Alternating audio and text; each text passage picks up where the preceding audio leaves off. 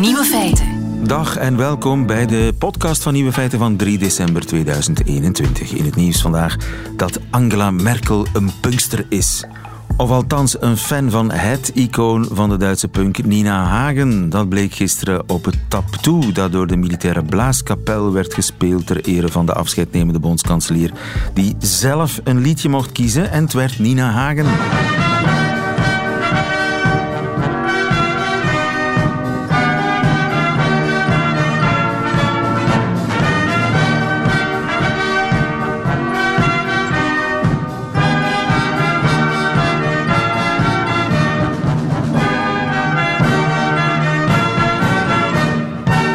Du hast den Farbfilm vergessen van de Oost-Duitse punklegende Nina Hagen, gespeeld door de blaaskapel van de Wehrmacht op verzoek van Angela Merkel. Een lied dat de helft van de Oost-Duitsers zou kunnen meezingen, want het was er een hit in 1974.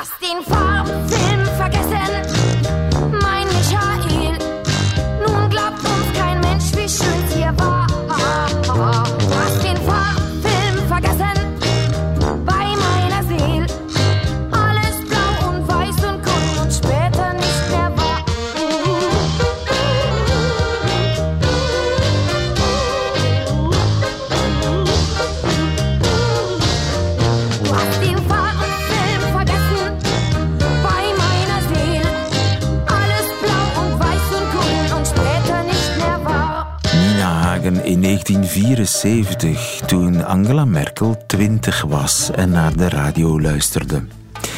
Schattig toch? Heeft Nina Hagen de muur helpen omverduwen? Het zou me niks verbazen. De andere nieuwe feiten vandaag. De restauratieplannen voor de Notre-Dame in Parijs zijn uitgelekt en niet iedereen is er blij mee. De opgestoken middenvinger is 2475 jaar oud.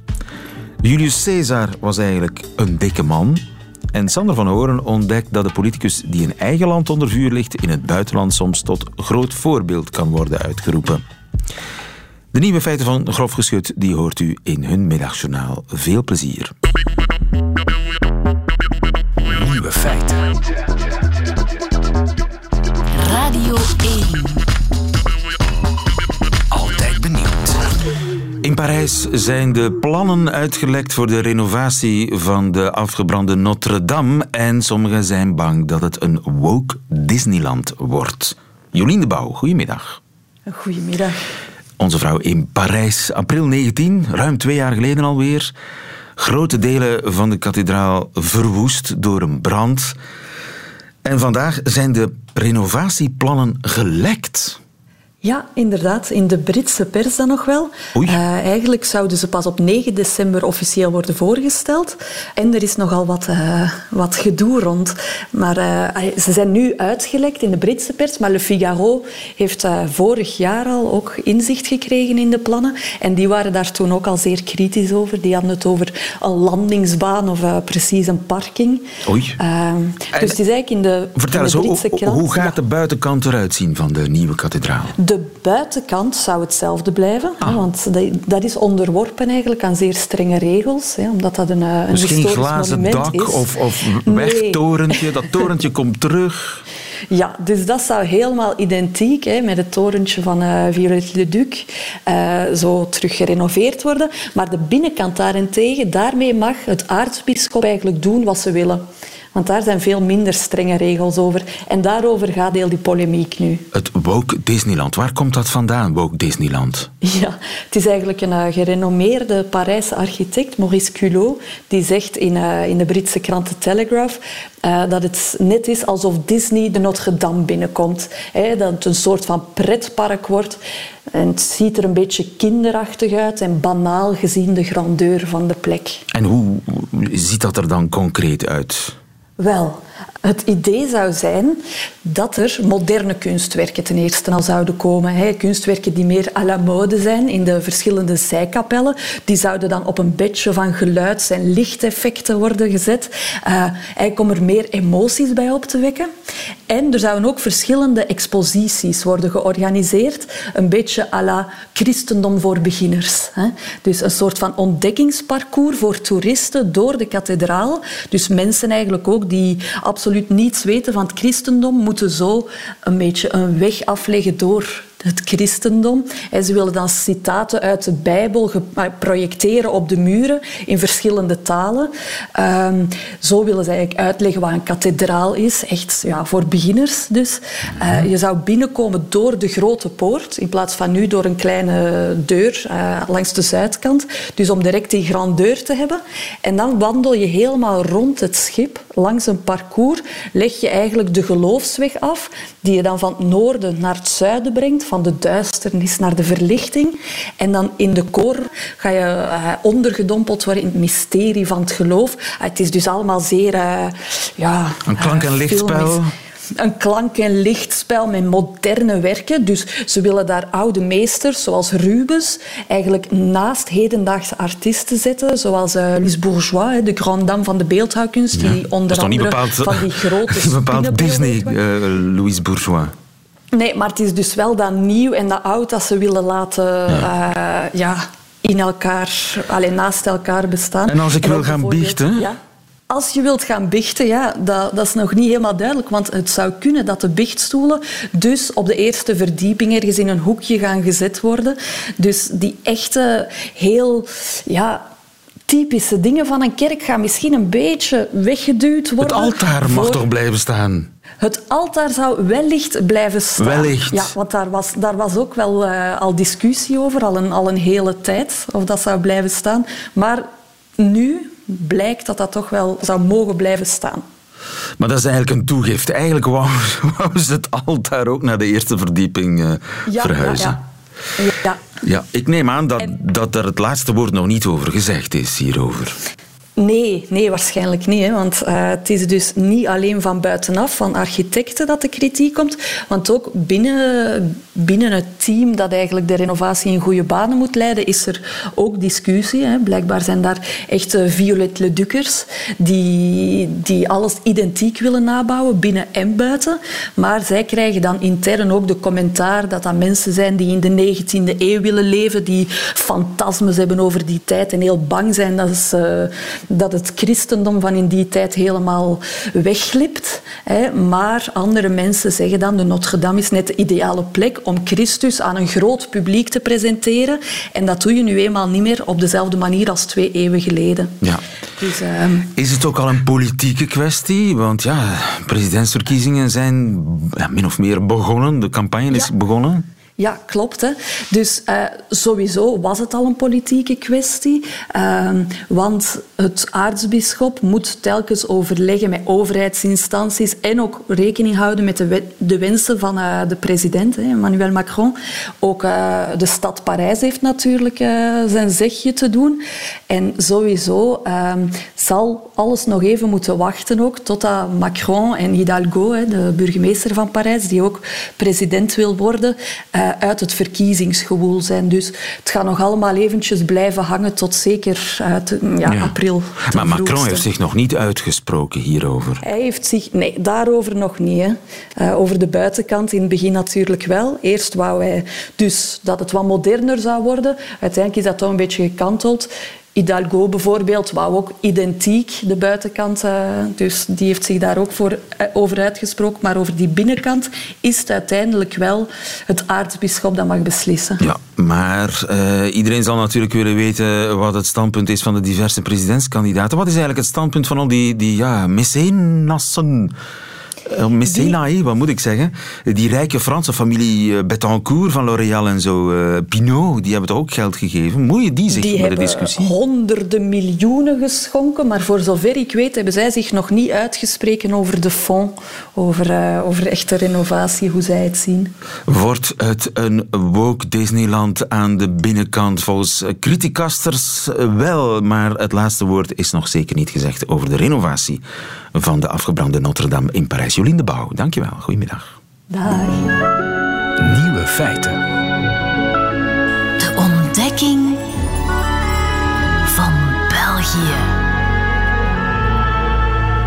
Meer bepaald door eh, de NOS-man in Brussel. Nu al enige tijd. Hoe lang nu? Ik vergeet het iedere keer. Drie jaar? Ruim vier. Ruim vier al woont hij in uh, Brussel. En met stijgende verbazing ontdekt hij ons land. Sander van Horen, wat heb je deze week ontdekt? Nou, eigenlijk helemaal niks. Want ik ben weer teruggeworpen naar iets... Dank je, Sander van Horen. Ja, precies. Laten we naar de Tot taaltest gaan. ja, precies.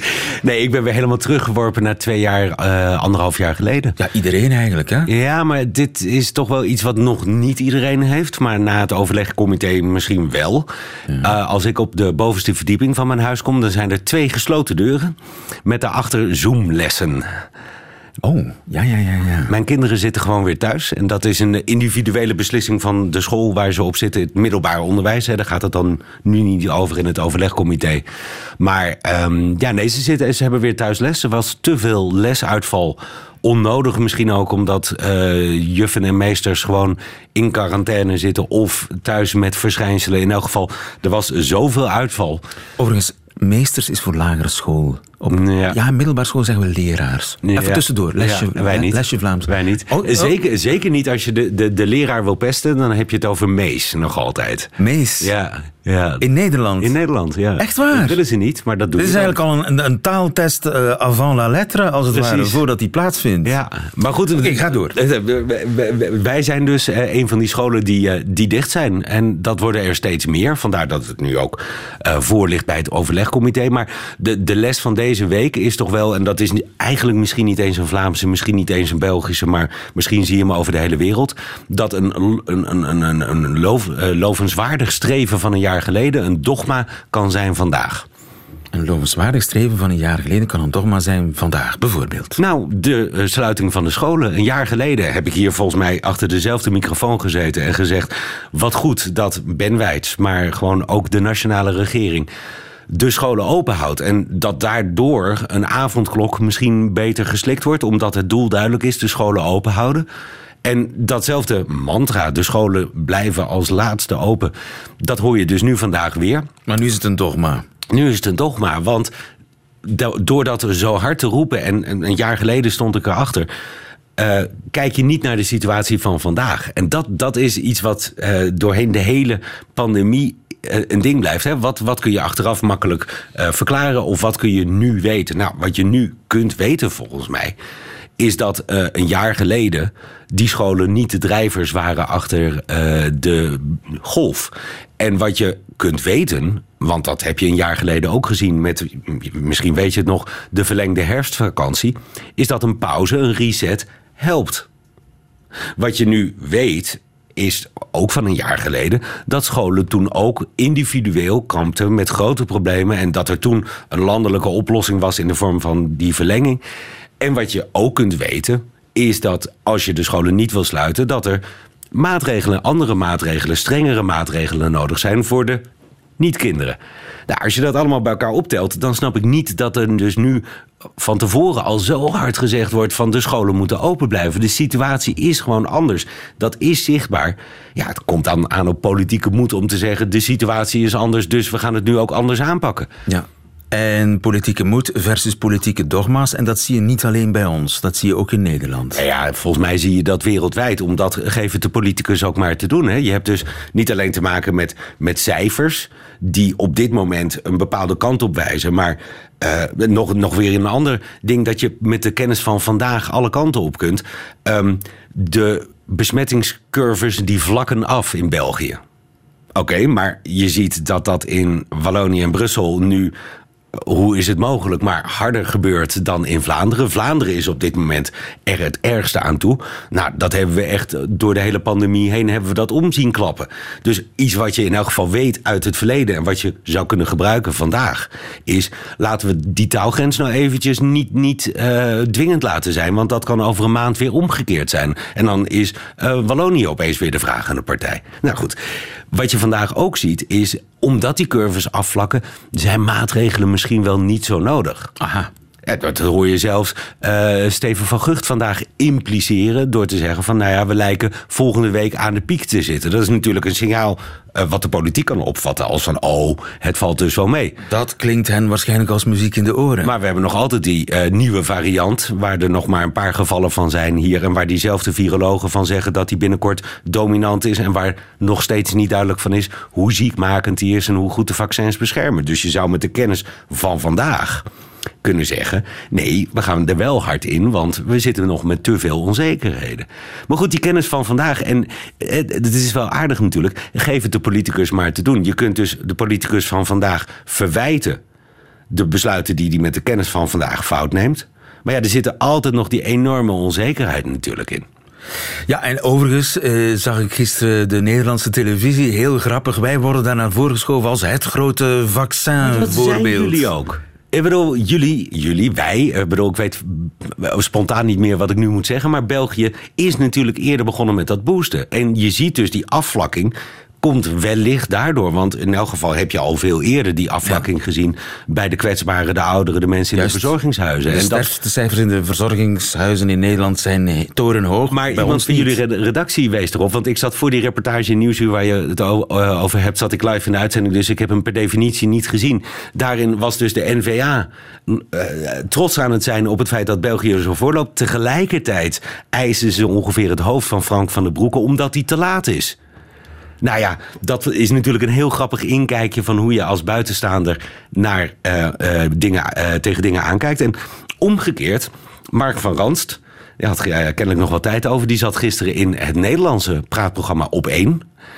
En daar zei hij ook, kijkend naar de eh, Vlaamse situatie, kijkend naar de Nederlandse situatie. Ik heb het te doen met die politici die inderdaad met de gebrekkige kennis van nu, waarvan mijn pleidooi dus is, hij is minder gebrekkig dan je misschien doet voorkomen. Dus je kunt veel meer weten en veel meer handelen nu. Maar goed, met die gebrekkige kennis van nu, neem je ook maar besluiten. En eigenlijk is één ding wat ons verenigt in Nederland en België. Wij denken allemaal dat we de slechtste politicus hebben. Ja, en heeft hij ook alweer gelijk in natuurlijk. We denken allemaal dat we de slechtste politicus hebben. En de goede politici zitten altijd in het buitenland. Zeker. Zo Gras bij de buren.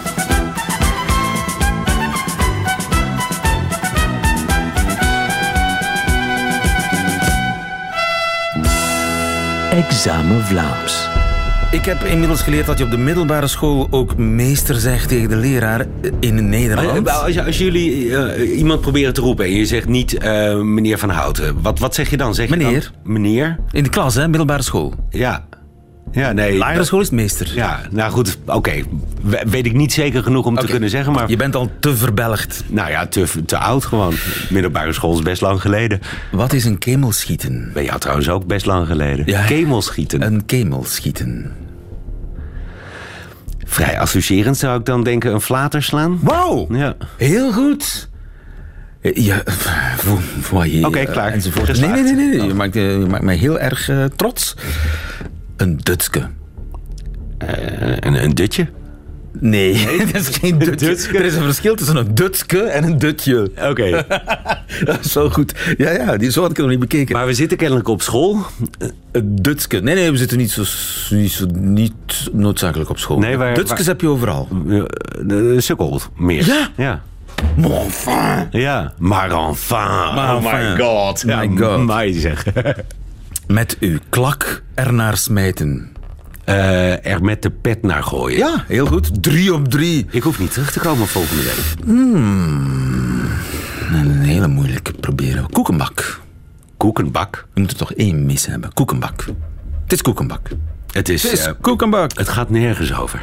Nee, nee, helaas. Helaas. Helaas. Je moet terugkomen. Je Oké. moet toch terugkomen. Koekenbak. Ja, ruzie. Ruzie? Ja, het is koekenbak. Echt waar? Ja, dan of in bepaalde streken de ruzie, mij maar ook- meer kibbelen. Is, is, is volgens mij ook seks. Het is koekenbak. Het was koekenbak tussen Ah. Goed maak seks dan. Dat, dat, dat, dat ook wel. Goed, ja, bijvoorbeeld, dat is het tweevoudige... Koekenbak na koekenbak. Koekenbak. Consecutieve koekenbak. Dat kan natuurlijk zijn. Dankjewel, maar je moet helaas toch eh, terugkeren volgende week. Helaas.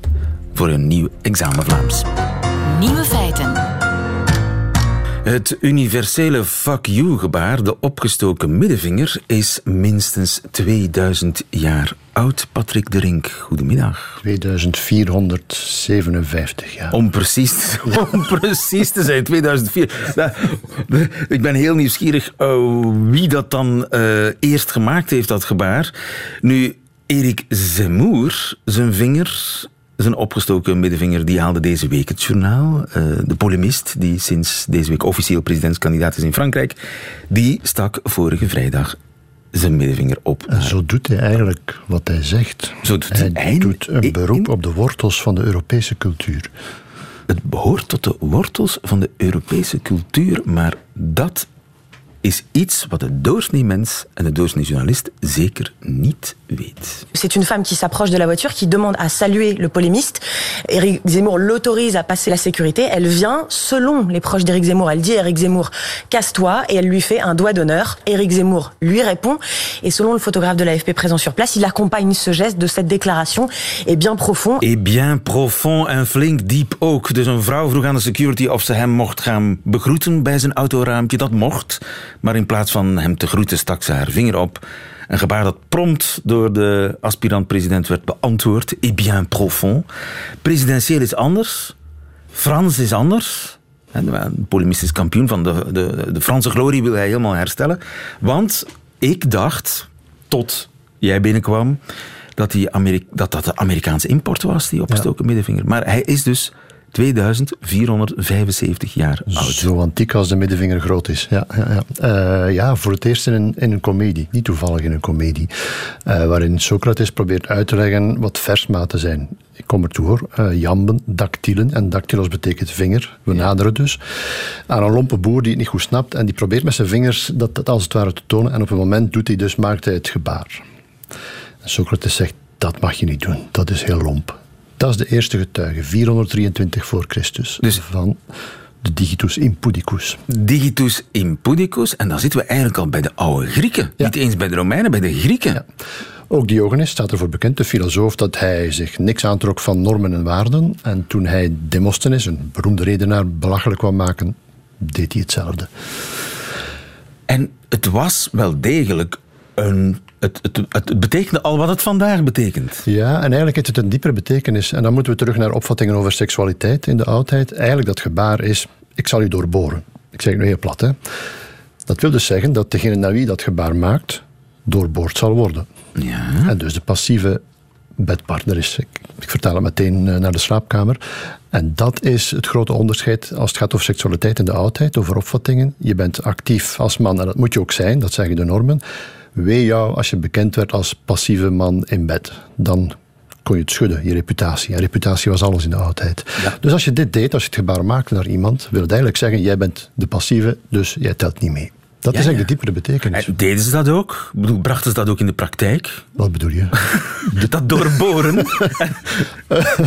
ja, dat zal wel zijn, als ik het zo ja, Want, want dat, dat, zo kennen we de Grieken natuurlijk. Hè? Het wordt niet uh, voor niets op zijn Grieks genoemd. Ja, goed. Nu, vrije seksualiteit en zo, maar ook daar waren er serieuze normen en waarden. Hoor. Dus, uh, maar niet dezelfde als die van ons. Homoseksualiteit, heteroseksualiteit, dat onderscheid kende men eigenlijk niet. Het grote onderscheid was actief-passief. En dus als je als passieve man bekend stond, kon je het schudden. Als... Maar ook bij de Romeinen trouwens. Uh, ja, ja, maar als actieve man was je de held. Ja, ja, dat werd geacht, de macho, hè, dat, uh, de, je werd geacht actief te zijn in bed. Dus daar komt die vinger vandaan. Ja. Uitgevonden in Griekenland, ja. overgenomen door de Romeinen Absoluut. en nog steeds springlevend. Uh, ja, blijkbaar in de middeleeuwen veel minder. Christendom, waarschijnlijk een beetje weggemoffeld. En dan is dat beginnen heropleven. Dat heb ik niet zelf onderzocht. Ik ben uh, klassicus, ik ben hier voor de oudheid. dus dan hebben we heel wat getuigenissen daarover. Er is nog een complicatie, dus het was een beledigend gebaar.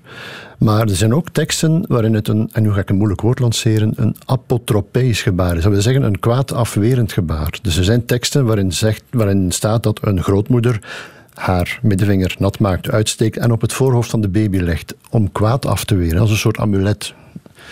Je moet ook weten natuurlijk, de fallus in de oudheid was, was alomtegenwoordig. Dat had niks vulgairs. Dat was eigenlijk nog eens een, een amulet, een kwaadafwerend ding. Dat hing om de nek van kinderen, dat hing aan huizen.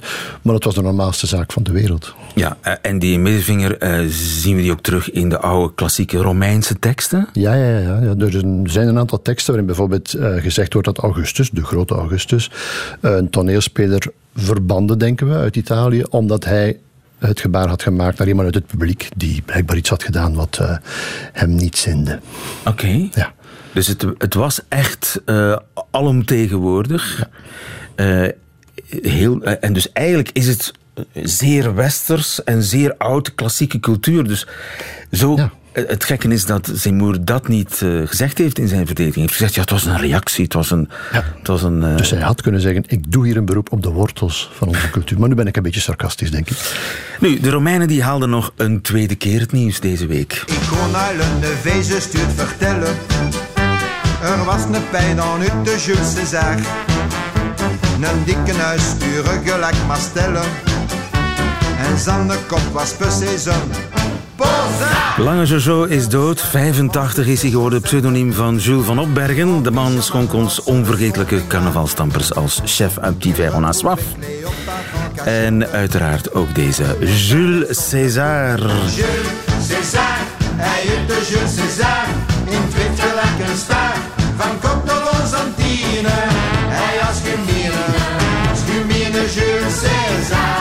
Lange Jojo schetst een eh, haarscherp beeld van Julius Caesar. eh, hoofd als een paasei. Oren als mastellen, die moet ik opschrijven voor het examen Vlaams.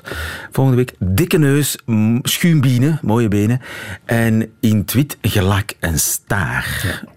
Nu je hier toch zit, Patrick. Klopt dat, dat beeld? Ik heb ook de Franse tekst bekeken. Daar heeft Ja? hij oren als bloemkolen. Oeh, En een neus als een banaan. pour les Français, Blijkbaar. en- pas la même chose. Nee. Blijkbaar niet, nee. Maar goed, het gaat dus over het uiterlijk van Caesar, dat hier inderdaad beschreven wordt, eh, alsof we het allemaal wel weten. Nu, als we zeggen, als we spreken over Caesar, het uiterlijk van Caesar, ik denk dat iedereen aan Asterix denkt. Jij ook? Ja, maar ik heb, ik heb een beeld van Caesar. Ik zie een, een man met voorhoofdkaalheid. En, en ja, ik, ja, je herkent hem gewoon. het, is, Ja, ja. het is een beeld. Ja, je herkent hem aan voorhoofdskaalheid nog. Eh, grote neus. Ja, ja, ja. Ja, en een- die blik, hè, zo'n beetje de, de keizerlijke blik. Wel, ik moet jou zwaar ontgoochelen, maar dat berust eigenlijk nergens op. Waar, hoe zag hij er dan wel uit? Dat weten we niet. Niemand weet hoe Caesar eruit zag. Ik zal een beetje nuanceren natuurlijk. Er zijn bronnen. Eh, er zijn munten uit de tijd van Caesar, het jaar waarin hij vermoord werd, 44 voor Christus, was hij 56. De leeftijd speelt ook een rol natuurlijk als het gaat over voorstellingen van. Maar ja, munten die zijn dus ja, letterlijk een centimeter groot. Eh, als je daar een marmeren kop van wil maken op basis van die munt, dan moet je al heel veel keuzes gaan maken. Je hebt ook geen kleuren bijvoorbeeld op de munten. Dat is één, dat is een bron. Tweede bron, een zekere Suetonius, die de biografieën van de keizer schreef te beginnen met Caesar, die eigenlijk niet echt een keizer was, maar goed. Hij heeft het over een vol gezicht, wat al niet beantwoordt aan, denk ik, jouw beeld van, van Caesar. De schriele, langwerpige Juist, ja. kop uit. Vol gezicht, dus Vol gezicht. Dikke kop. Maar daar stoten we weer op een nieuw probleem. Dat Latijn, is dat wel vol gezicht? Of betekent dat misschien grote mond? Dat zou ook kunnen. Is een vertaalprobleem Volle eigenlijk. lippen. Ja, bijvoorbeeld. Dus ook dat weten we niet. En die Suetonius schrijft bovendien anderhalve eeuw na het leven van Caesar. Dus in hoeverre is dat allemaal betrouwbaar? Daaruit blijkt wel dat hij zeer begaan was met zijn haar. En eh, echt gebukt ging onder zijn voorhoofdskaalheid. En zoals veel mannen nog altijd doen, denk ik, dan zijn haar naar voren kamde. Om te verbergen dat hij eigenlijk voorhoofdskaalheid had. En hij droeg ook een lauwerkrans. Dus dat klopt ook wel met de beelden die je van Asterix hebt, die lauwerkrans. En dat naar voren kwam de haar ook wel. hè? Ja, ja, ja, inderdaad. Ja, ja. Dus dat, er zijn dingen die kloppen. Hij had ook een uitgesproken Adamsappel, wordt beschreven. En eh, rimpels, vetrimpels denk ik, in zijn hals. Maar dat is eigenlijk alles wat we weten. Julius Caesar was een dikken, eigenlijk. Wel, ja, als ik, zoals ik het nu Volgens zelf de, volgens beschrijf. de bronnen. Ja. Maar waar komt dan dat, dat ja, iconische beeld vandaan? Wie heeft dat uitgevonden? Er zijn natuurlijk heel veel beelden bekend van Caesar. Die, die we nog altijd kennen, die in musea staan. In het British Museum enzovoort. Er zijn er eigenlijk 150 ooit de voorbije twee eeuwen. Zijn die dan niet gemaakt ten tijde van? Dat is, nu raak je een gigantisch groot probleem, want dat weten we vaak niet. Er is bijvoorbeeld in het British Museum een Caesarkop. Lange tijd werd dat beschouwd als de Caesar. Staat ook omslagen van boeken enzovoort. En zo wordt dus die kop verspreid. Dat is meteen een antwoord op je vraag. Maar nu blijkt dat dat eigenlijk een 18e eeuwse vervalsing is. Dus het lijkt nergens op. Jammer genoeg. En dat, heel dat verhaal zit vol met koppen die zogezegd van Caesar waren. Als museum natuurlijk zeer leuk. We hebben een kop van Caesar. Het is niet leuk om dan plots te moeten zeggen kop van een onbekende Romein. Maar zo is het vaak gegaan. Eigenlijk weten we het niet. We weten niet hoe Caesar eruit zag. Ja, en meer van dat soort verhalen over uh, de Romeinse tijd, de klassieke tijd de oude Grieken en de Romeinen. En de invloed van uh, die antieke cultuur op ons dagelijkse leven. Dat, je hebt een website, dat is sinds kort hè? Ja, ja, daar ben ik gigantisch trots op. Over de verwevenheid van onze tijd met de oudheid. Dus dit soort verhalen. Ja, trouwens... dat is nog maar een wilde greep. Eén week lang zo zo. Het is echt waar. Erik Seymour. Je kunt me verwijten... Jij niet dus het trouvé ensemble. Ja, misschien zit ik in een tunnelvisie, ik weet het niet. Maar op mijn website heeft Tom Nagels het over heavy metal en hoe daar antieke invloed uh, hoorbaar is dan letterlijk. Over Japanse manga's die over Romeinse toestanden gaan. Enfin, het, het, is eigenlijk ongelooflijk. Ik ja. sta zelf versteld. En maandag verschijnt overigens Twaalf Keizers, het nieuwe boek van uh, jouw beroemde collega Mary Beard. Je hebt het al gelezen. Ja, waarin ze inderdaad heel deze historie van de zogezegde beelden van Caesar ontrafelt en ontmaskert. Dankjewel Patrick de Rink. Nieuwe feiten. En dat waren ze, de nieuwe feiten van 3 december 2021. Alleen nog die van het cabaretduo Grof Geschut krijgt u nu in hun middagjournaal. Nieuwe feiten. Middagjournaal. Beste luisteraar. Het is de ochtend van 6 december. Ik ben een jaar of zeven, schuifel vol verwachting heen en weer in de gang, hoppend van de deur van mijn oudere zus naar het bed van mijn oudere broer. De Sint is geweest! De Sint is geweest! Vechten tegen hun ochtendhumeur toveren ze een glimlach op hun gezicht en te midden van twee slaperige pubers storm ik de living in. En jawel hoor, Snoep en chocola in elke hoek, onze naam geschreven in letterkoek, wortel weg, biertje op, cadeautjes overal en een brief in sierlijke letters over hoe wij wel echt de flinkste kinderen van het land waren. Die ochtend kreeg ik het mooiste cadeau ooit. Een kleine zwarte knuffelhond van Sigikit, die me de komende jaren zou verlossen van nachtmerries en bedplassen. Toen ik acht was, kregen mijn zus en ik op Sinterklaasochtend enkel een brief in onze schoen. Na alles overhoop te hebben gehaald, op zoek naar cadeautjes en snoep, las mijn zus de brief een tikkeltje teleurgesteld voor. Voor de twee braafste meisjes van Nederland. Geen lappenpop in Ledikant, geen Barbiepop van Sinterklaas, geen Playmobil van Pieter Baas. We werden, na goed te zijn ingeduffeld door mama en papa, via een speurtocht naar de achtertuin geleid, waar een hok stond. Een hok met het schattigste konijntje ooit. Nicky, een langoor dwergkonijn, die na een maand of twee onder mijn hoede de titel dwerg al was ontstegen. Nicky, het langoor obesitaskonijn. Wij lazen deze week in de krant dat Sinterklaas dit jaar wat meer tweedehands cadeautjes zal brengen. Ook de Goedheiligman moet door corona een beetje op zijn centjes letten. Maar dat niet alleen. Sinterklaas is natuurlijk ook gewoon een man van zijn tijd en draagt graag een steentje bij aan het verkleinen van zijn ecologische voetafdruk. Hij heeft tenslotte al een stoomboot om over de methaanuitstoot van slecht weer vandaag nog maar te zwijgen. Dus de man heeft wel het een en ander te compenseren. Dus ik dacht, ik ga de Sint een handje helpen. Ik heb mijn zolder opgeruimd en alle troep die ik niet meer gebruik naar het grote Sinterklaas tweedehandsdepot gebracht. Waar de Pieten de afgelopen maanden dag in dag uit onder veel te hoge werkdruk alle speelgoed van rommel zijn aan het scheiden en met de wenslijsten van de kinderen op zoek gaan naar dat ene pareltje in de zwijnenstal. Dus als je nou ergens de komende dagen, wanneer jij je schoentje hebt gezet, een Barbiepop terugvindt met scheefgeknipte haren en lijmresten tussen haar hoofd en nek, dat is Christy. Wees een beetje aardig voor haar. Ze heeft verschrikkelijke dingen meegemaakt. Een kappersafspraak bij mijn zus en een ongelukje waarbij ik dacht dat haar hoofd wel zou passen in het afvoerputje van de douche. Het ga je goed, Chris. En als je nu naast je schoen het schattigste, liefste, mooiste knuffelhondje ooit vindt, met platgedrukte zwarte haartjes van mijn hoofdje dat er acht jaar op heeft geslapen, dat is Boris. En dat was eigenlijk niet helemaal de bedoeling dat ons mama die zou wegbrengen naar het Sinterklaasdepot. Maar ze zei, Lander schattige, je bent nu 25, het wordt eens tijd om los te laten, hè jongen. Maar ik kan dat niet zo goed. Nee, Lander kan niet zo goed loslaten. Dus moest je die nu vinden, zou je die dan misschien naar mij willen opsturen? Boris wordt gemist. En lieven, wat die grote ontknoping betreft... Daar hebben we het vanavond over in Culture Club. Tot straks.